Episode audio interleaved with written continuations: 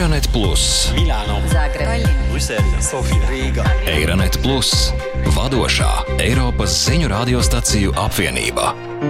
Saprast Eiropu labāk! Labdien! Mēs tiekamies kārtējā Euronet Plus Green Deal jeb zaļā kursa podkāsta epizodē. Šajā podkāstā kopā ar kolēģiem no Eiropas aplūkojam to, kā mēs, Eiropieši, varam ietekmēt tā dēvēto zaļo pāreju, ko Eiropas Savienība ir uzsākusi. Šoreiz runāsim par dabas izzināšanu. Cik daudz mēs patiesībā zinām par dabu, vai mēs spējam atpazīt kokus, atšķirt putnu dziesmas, atpazīt savvaļas augus, cik lielu nozīmi mēs piešķiram dabai un cik daudz pūļu pieliekam, lai to izprastu. Dabas izzināšana ir svarīga. Šīs zināšanas mums ir vajadzīgas, lai tajā varētu dzīvot pēc iespējas harmoniskāk un cieņpilnāk. Tajā pašā laikā pētījumi liecina, ka laika pavadīšana dabā un labāka tās izpratne var arī mazināt mūsu stresu, uzlabot garstāvokli un palielināt mūsu vispārējo apmierinātību ar dzīvi. Zināšanu trūkums var liekt mums pieņemt pārdomātus lēmumus par vidi un ilgtspējību. Ja mēs neaptveram riskus, ar kuriem saskaras noteiktas sugas, un to, ko varētu nozīmēt to izzušana, ja mēs nespēsim izprast klimata pārmaiņu cēloņus un sekas, var mazināties vēlme īstenot ilgtspējīgus risinājumus vai mazināties atbalsts valsts vai Eiropas līmenī īstenotajai politikai. Žurnālisti no mūsu Eiropas radiostaciju tīkla ir aptaujājuši Eiropas Savienības iedzīvotājus, lai novērtētu viņu domas par vides izpratni un to, vai situācija visā Eiropas Savienībā ir līdzīga. Pirmie ieskatu zināšanu līmenī sniedz žurnālisti no Slovenijas. Tur atklājas zināšanu atšķirības starp paudzēm, kā arī starp laukos un pilsētās mītošajiem cilvēkiem. Turpina ornitologs Tilēns Basels. Definitivno ljudje na podeželju imajo več stika z naravo, za kar se ptic. Eiropā un visā pasaulē pilsoniskā zinātne ir ļoti populāra. Cilvēki dabā pamana lietas un ziņo par tām ieinteresētajām organizācijām. Ir anketas, mājaslapas un tā tālāk. Šī metode ļauj savākt izcilas kvalitātes datus, piemēram, par lielajiem plēsējiem, retajiem augiem un invazīvām sugām. Tiek savākts daudz datu, un tas tiek ļoti novērtēts. Pinah bolje. No. Un to pašu žurnālistiem Horvātijā stāsta horvātu dabas draugs Marko Modričs. Naravno, otuđenje od prirode nikad nije dobro i to sigurno ovoj generāciji je izraženie. Protams, šī atsaiste no dabas nav laba, un tā ir vairāk redzama jaunāko paudžu vidū. Tas ir vairāk redzams arī pilsētu centros. Bērni, kas dzīvo mazās pilsētās un ciematos, ir daudz tuvāk dabai. Tāda pati sajūta ir Portugālē, kur kolēģi no Radio Renašenca uzrunā Rūbenu Oliveiru, nevalstiskās organizācijas Dabas aizsardzības līga valdes locekli. Viņš uzsver daudzu jauniešu acīm redzamo pretrunu starp viņu aktīvo apņemšanos cīnīties pret klimata pārmaiņām un mazāku vērību pret dabas aizsardzību kopumā. Felizmente o nosso, o nosso país é muito, muito diverso. Par laimi, mūsu valsts ir ļoti daudzveidīga, un cilvēki mēdz būt ļoti pieķērušies sava reģiona dabas mantojumam. To mēs redzam vecākajās paudzēs. Jaunāko paudžu vidū ir daži vairāk ziņkāras faktori. Ir lielāka saikne, piemēram, ar kustībām cīņai pret klimata pārmaiņām, bet runājot par citiem izaicinājumiem, piemēram, bioloģiskās daudzveidības krīzi, mēs neredzam tik lielu entuziasmu. Tātad apziņa par vidi ir dažāda. Tā ir ļoti saistīta ar klimata pārmaiņām, taču runājot par dabas mantojumu un apdraudētajām sugām, tā dažkārt nav tik spēcīga. Às vezes não está tão forte aí. Kas būtu tas, ko varētu darīt, lai palīdzētu Eiropas Savienības pilsoņiem, jo īpaši jaunākajām paudzēm centienos satuvināties ar dabu? Kolēģi no Radio Romānija meža saimniecības profesoram Ovidiju UNESCO no Transilvānijas Universitātes Brašovā vaicāja, kur un kad jāsāk dabas un vides aizsardzības apguve. Cred că din școală. Pentru că din primii ani de educație Skolā, manuprāt, jo jau no pirmajiem izglītības gadiem veidojas sagrozīts priekšstats par šo resursu, par mežu un faunu. Cilvēkiem neveidojas precīzs tēls. Mūsu jomā daži ir par labu resursu ilgspējīgai izmantošanai un līdzās pastāvēšanai ar cilvēku, bet citi ir dabas aizstāvji. Man personīgi nav problēma ar ienākumus nesošām aktivitātēm. Bet daži cilvēki nesaprot, ka tad, kad ir īstenot radikāli dabas aizsardzības pasākumi, rezultāti ir bijuši postoši. Varu minēt pagātnes piemērus. Piemēram, Melnā kaza Rumānijas ziemeļos. Bija pilnīgs medību aizliegums, un tās visas pazuda. Desmitiem gadu vēlāk Rumānijas meža pārvaldei un mežsaimniekiem un mednieku biedrībām bija jāatgriež Melnā kaza šajā reģionā.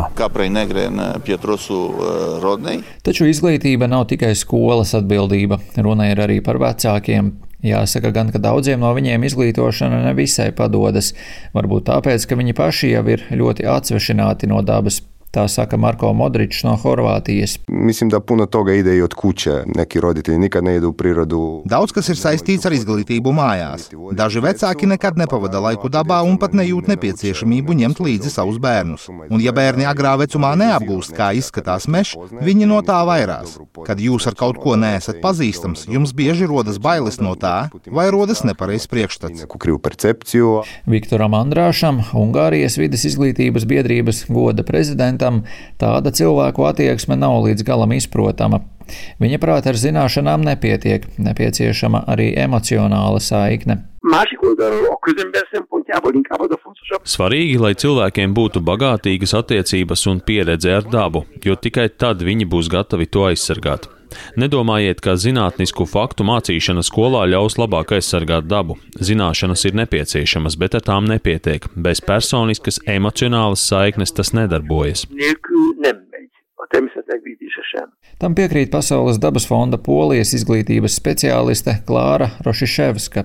Najskuteczniejszą metodą przekazywania wiedzy przyrodniczej jest oczywiście jej doświadczanie. Visefektīvākā dabas zināšanu iegūšanas metode, protams, ir pieredze.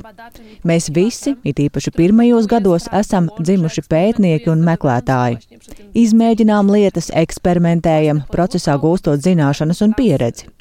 Mums ir jāspēj bez ierobežojumiem pētīt jau no bērnības, gan savā dārzā, gan tuvējā zaļajā zonā, mežā vai pļavā.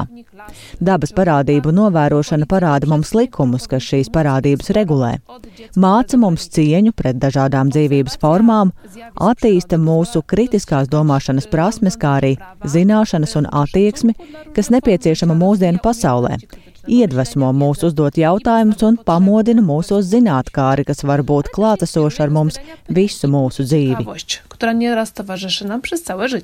Veicinot mūža izglītību, kā arī praktiskus eksperimentus, mēs visi attīstīsim dziļāku izpratni par dabu, kurā dzīvojam.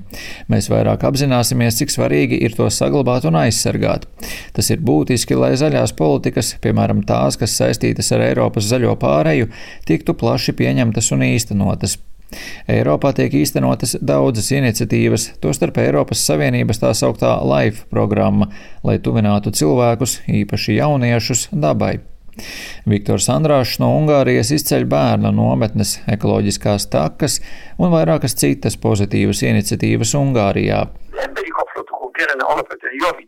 Ir daudzas programmas, kas veicina personīgo iesaisti, piemēram, programma Gada putni un augi, kurā mēs demonstrējam dzīvo radību vai minerālu. Primārais mērķis nav nodot tālāk zināšanas, bet gan izveidot personisku saikni. Tas pats attiecas uz kopienas izpēti. Viens no šādiem piemēriem ir programma Sauvaļas mednieki, kuras ietvaros ik viens var publicēt tīmekļa vietnē savvaļā novērotu dzīvnieku. Bukarestes Universitātē Dimitrija Brāņģa botāniskais dārzs ir ne tikai vieta, kur apmeklētāji var atpūsties, bet arī plaša zaļā zona, kurā var apbrīnot vairāk nekā desmit tūkstošu augu sugu. Vasarā tiek organizētas izstādes un izglītojošas darbnīcas, un dažas aktivitātes ir īpaši paredzētas bērniem. Petronela Karmena Komanesku, botāniskā dārza vadošā bioloģe, stāsta sīkāk. Programul nostru educativ se numește Micul Botanist. Mūsu izglītības programma saucas Mazais botāniķis, un tā sastāv no nodarbību sērijas, kuras ik viens var atrast vietnē. Tās ir paredzētas bērnu grupām, kas parasti nāk no skolas. Taču dažu pēdējo vasaru laikā esam organizējuši aktivitātes bērniem arī brīvlaikā.